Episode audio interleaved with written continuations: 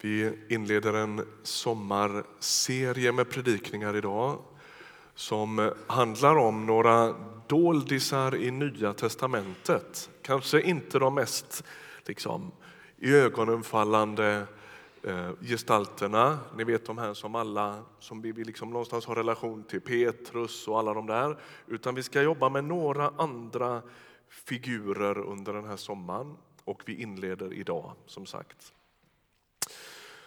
När jag var ungefär 15-16 år gammal så kom jag till tro på Jesus. Jag är inte uppväxt i något klassiskt kristet hem kan man inte säga på det sättet. Vi var ingen kyrkfamilj så. Eh, utan gjorde någon sorts egen resa med komfa, läger och lite alla möjliga olika liksom, komponenter som drog mig till en tro. Och det jag kom till då, det var till en fantastisk miljö på många sätt. En ungdomsgrupp i Svenska kyrkan strax utanför Göteborg som betydde jättemycket för mig. Jag minns fortfarande stunden när jag klev in genom dörren där och bara kom hem. Liksom. Det var så viktigt och jag missade i princip inte en fredagkväll och inte en söndag förmiddag heller. Vi var ett helt gäng ungdomar som satt på första raderna där. Och liksom, det blev min värld på något sätt.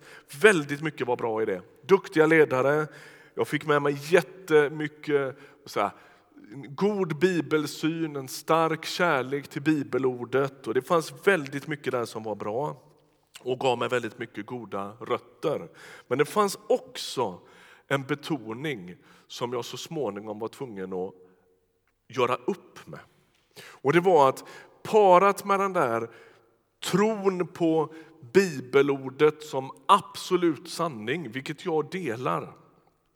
Så i Göteborgs stift på 80-talet då innebar det framförallt en sak, nämligen att kvinnor kan inte bli präster och predika.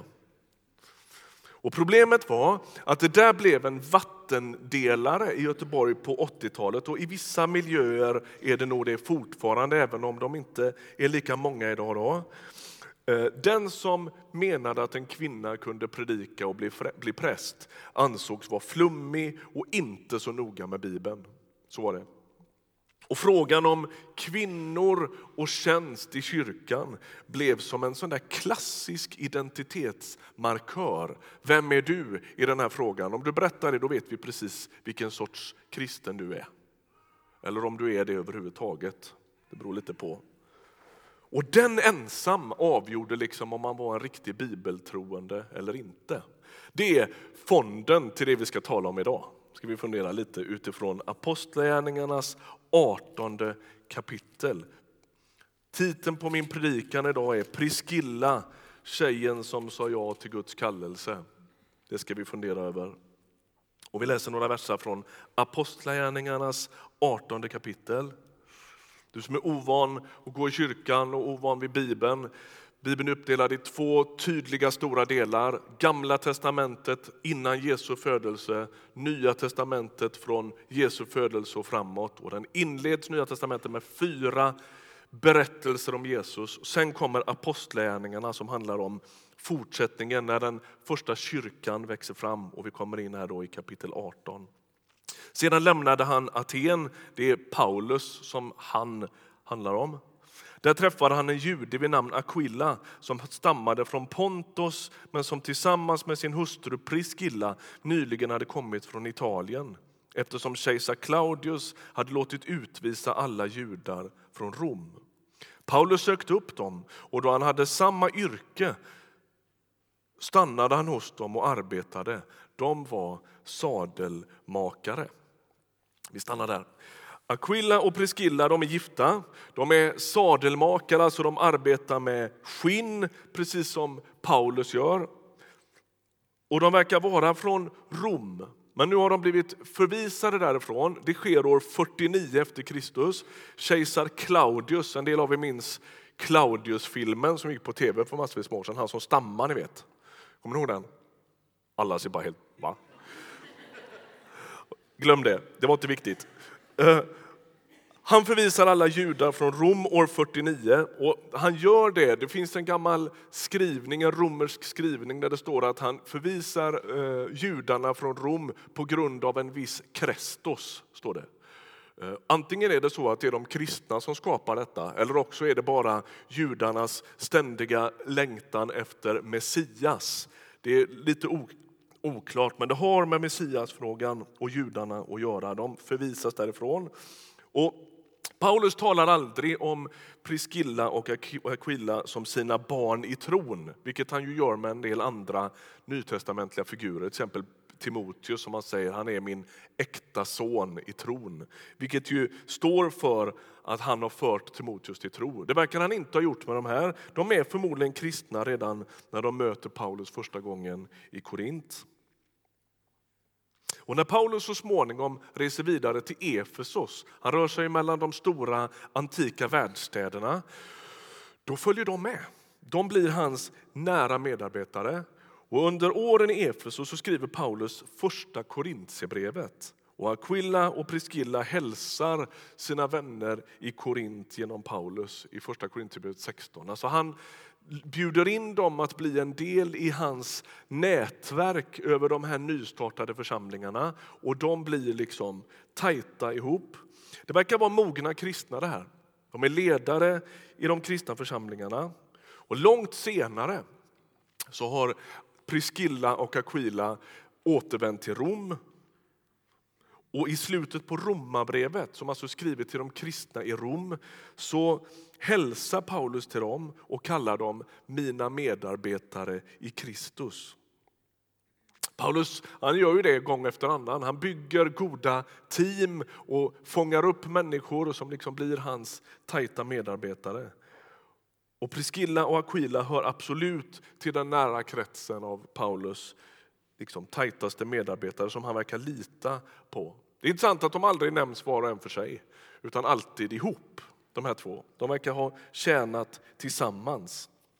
Och det intressanta då, vi lämnar gubben Aquila lite åt sitt öde och så koncentrerar vi oss på henne.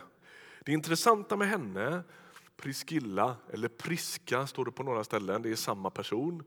Det är att hon verkar ha en tydlig ledarställning i urkyrkan. I antiken när man skriver en text så är det inte oviktigt vem som nämns först. Ni vet när, häromveckan så, så, så predikade jag om, om när Barnabas och Saul, eller Paulus som han kommer att heta sen, skickas ut i den första missionsresan. Och först så nämns Barnabas först tidigt där. Det är som att Barnabas är den mogne kristna av de här två. Han tar Paulus under sina vingar men så småningom så skiftar det där och så verkar Paulus vara den som tar ledarställningen i det där teamet. Och Detsamma gäller för Priscilla och Aquila. Hon nämns först på de flesta ställen. De här två nämns åtta gånger i Nya testamentet. Vid sex av de här tillfällena så är det hon som nämns först. Och I antiken så sker det i övrigt bara runt en kejsarinna att en kvinna skulle nämnas först. Det är intressant. Det var viktigt då. Och Priscilla verkar gå steget framför sin make. Betänk för en liten stund vad det betyder. Priskilla är uppväxt som en troende jude. Hon har haft en tydlig roll som kvinna. Det är inte så att hon är ingen som kvinna. Men den har varit väldigt begränsad när det gäller religiositet. Hon har inte kunnat leda, hon har inte kunnat förkunna, hon har inte kunnat träda fram offentligt på det sättet. Och på något sätt Kanske genom händelserna på pingstdagen, ni vet i Jerusalem när anden faller i Apostlagärningarna 2 så är det ju folk från hela liksom, världen som är där. Och på något sätt så når evangeliet om Jesus till de här människorna. Kanske är de där, kanske träffar de någon som har varit där och så kommer de till tro på Jesus och så blir väldigt mycket annorlunda i Priskillas liv. Vi vill ju gärna tro ibland och vi beskriver ibland tron som någon sorts invärtes grej. Det är så härligt med Jesus därför att då får man frid och så får man förlåtelse och så får man fri, liksom glädje i hjärtat. Och allt det där är ju sant. Men det är ju bara en del av vad som händer när en människa möter Jesus. Frälsningen är också en samhällsfråga. Tron på Jesus får människor att omtolka världen. Det får människor att införa nya samhällsordningar.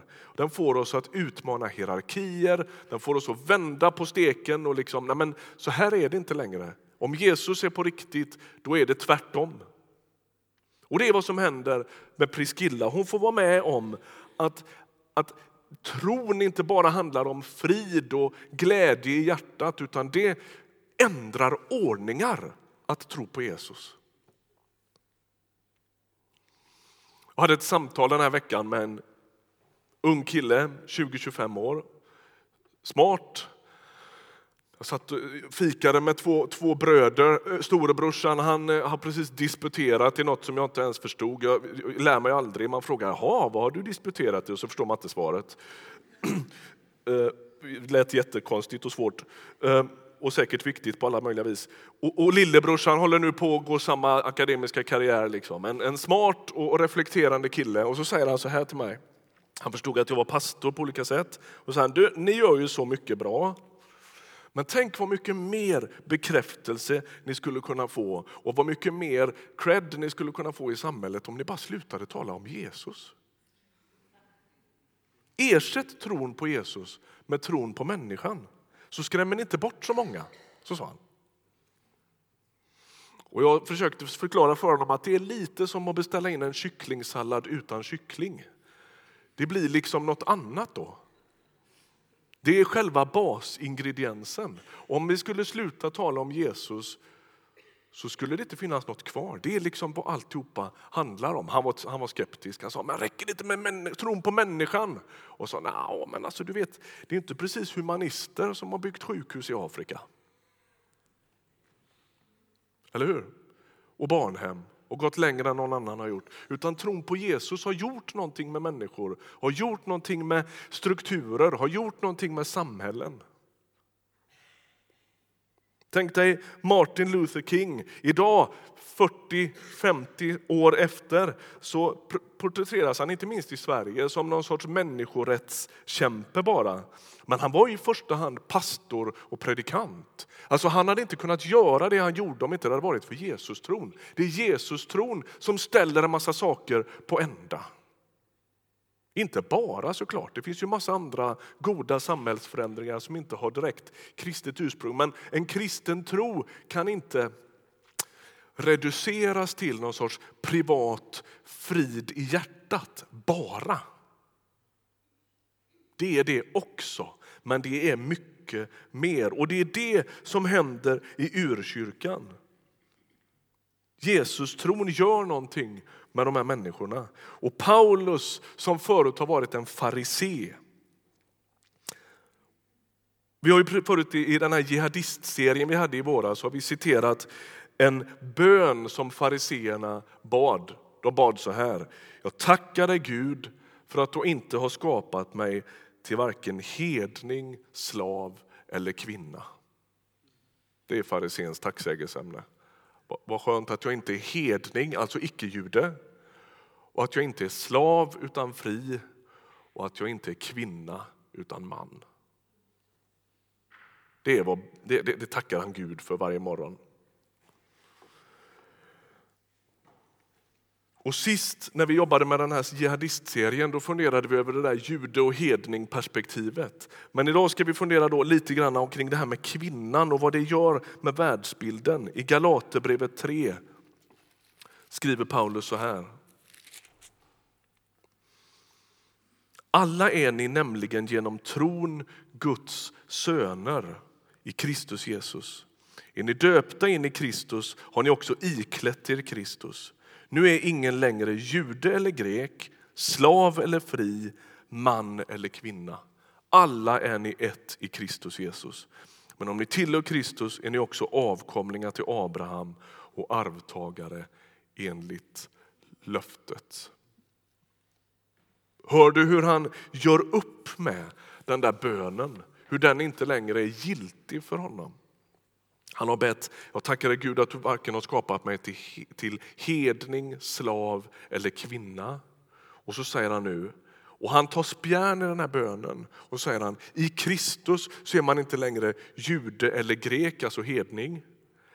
Man är inte längre slav eller fri, man eller kvinna, utan alla är ett i Kristus Jesus. Vad är det han säger där?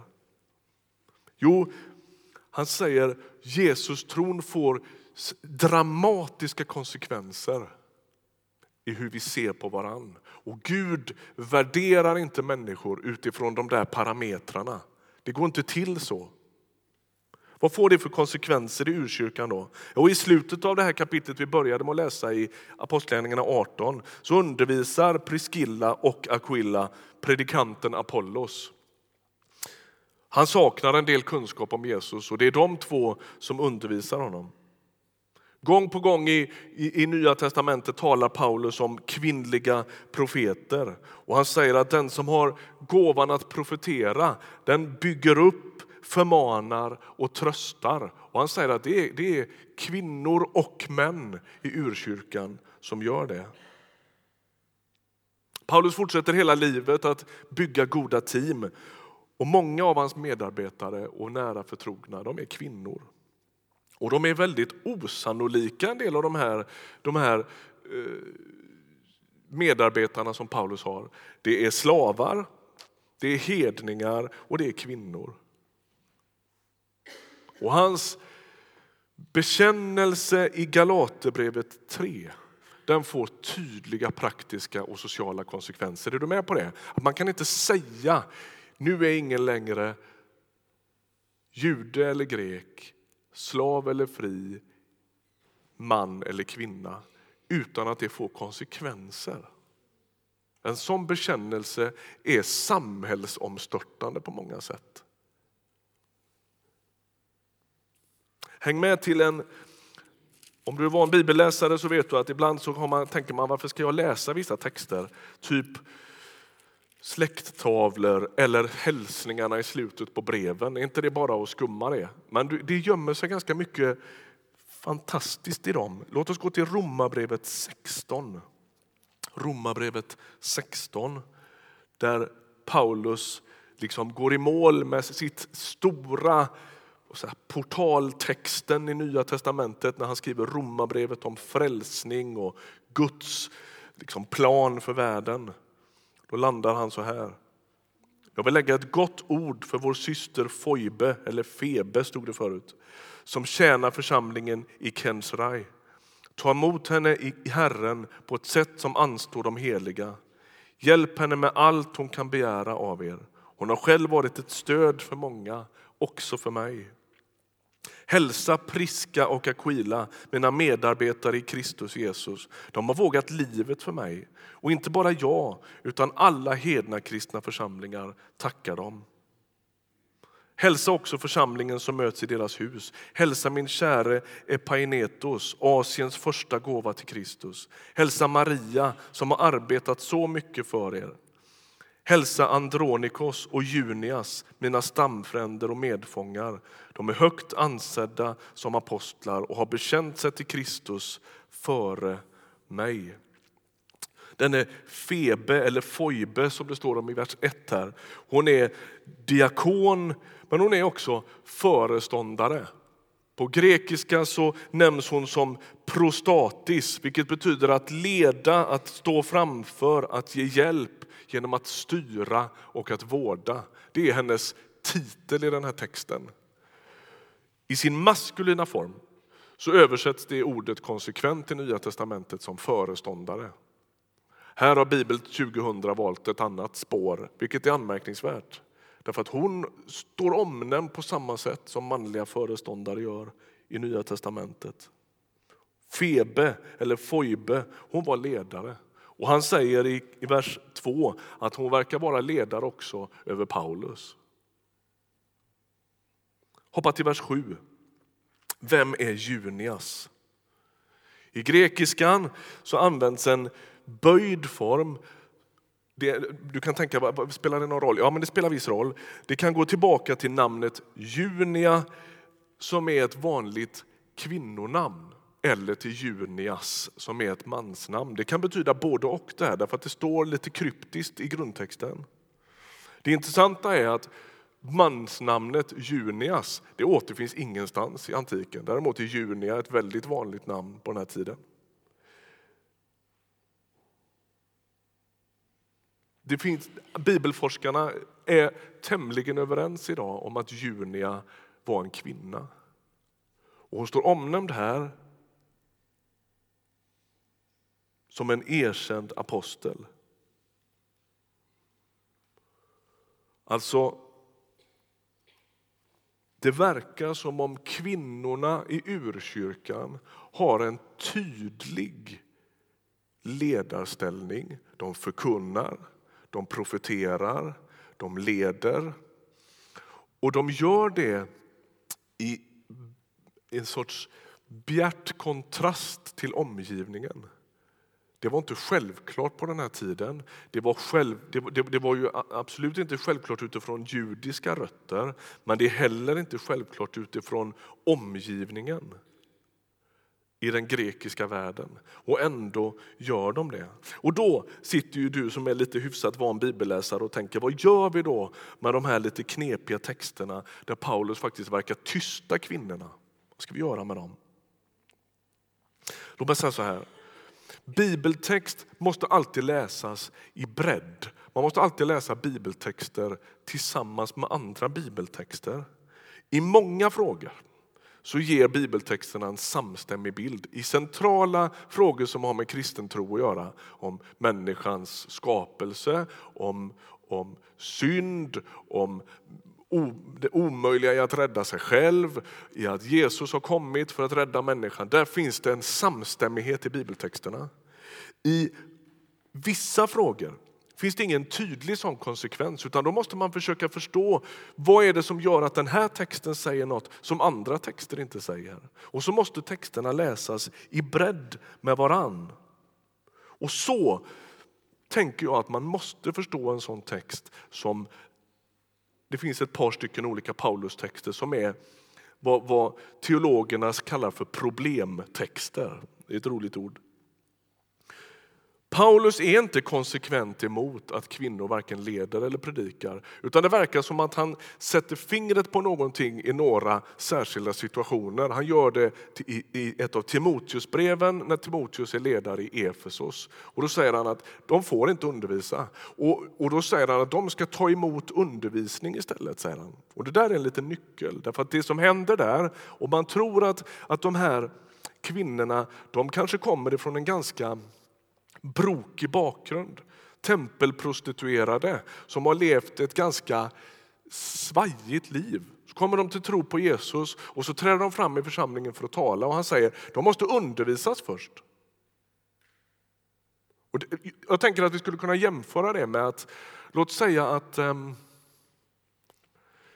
några människor kommer till tro här i Ryttargårdskyrkan fullständigt okunniga.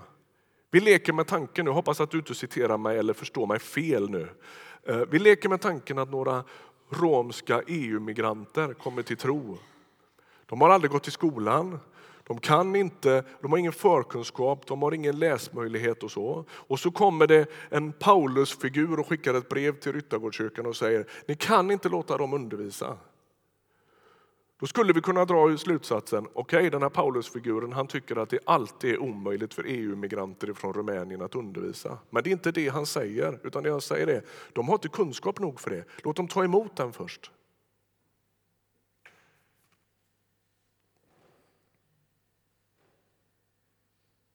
Paulus har ofta beskrivits som någon sorts kvinnofientlig, pösig mansgris.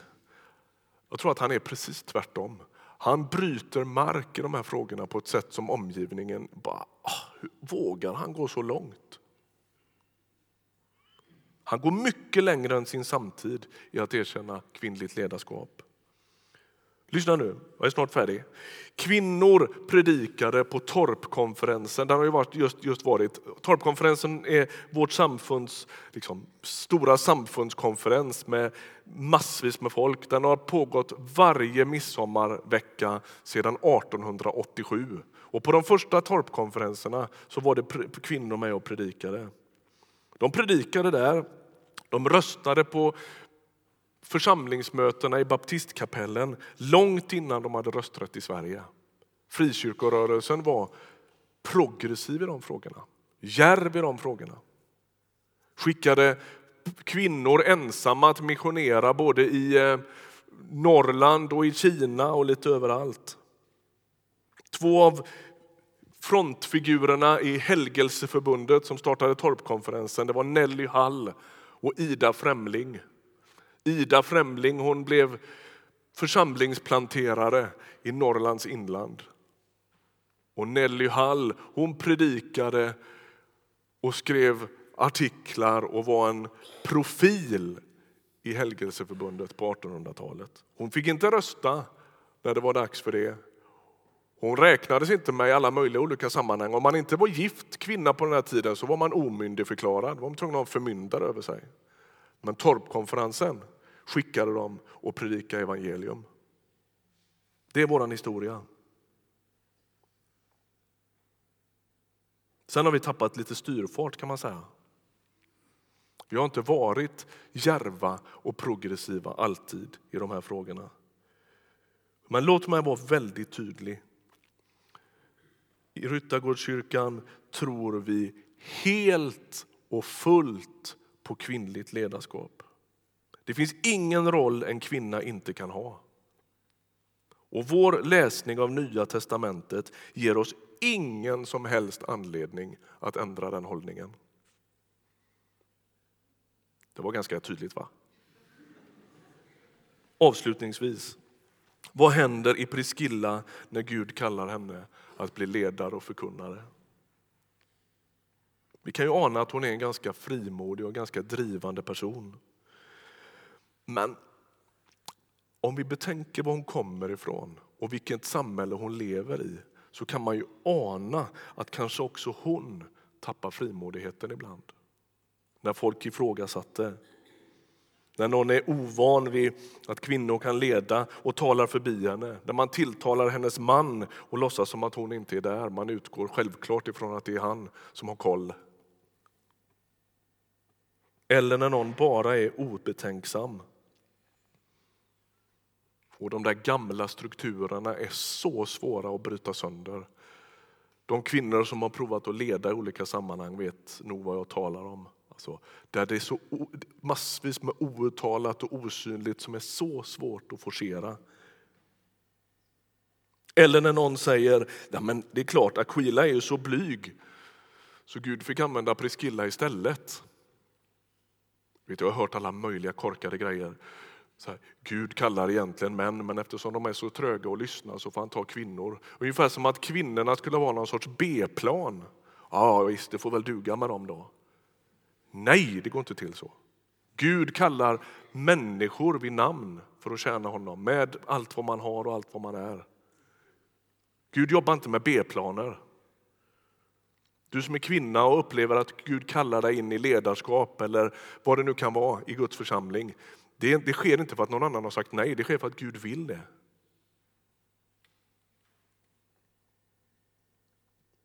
Det är inte så att Gud fick Priskilla istället. Liksom. Okej då. Liksom. Han hade en plan med hennes liv och hon gick in i den.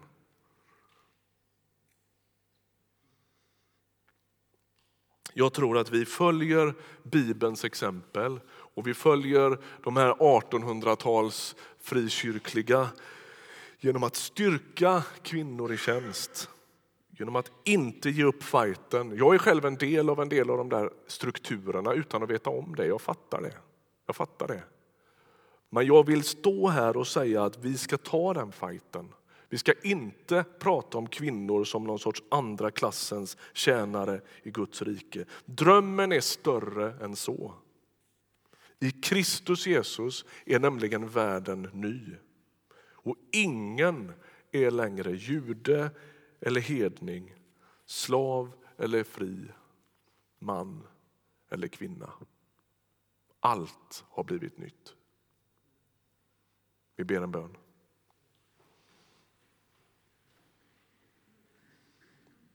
Herre, tack för din godhet.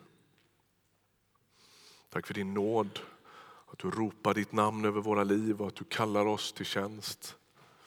Att var och en som sitter här inne och har en tro på dig får stå till ditt förfogande. Att det ser så olika ut. För en del är det si och för andra är det så. För en del är det offentligt, för andra är det i, i skymundan. För en del är det, står det, har det med anställningar att göra, för andra är det inte det.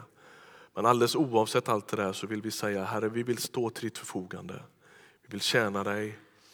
Vi vill fatta mod.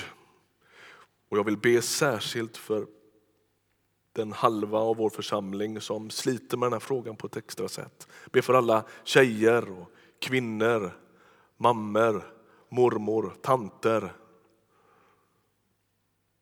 Styrk modet Jesus och hjälp oss att vara en miljö som gör det lättare att svara ja på din kallelse. Amen.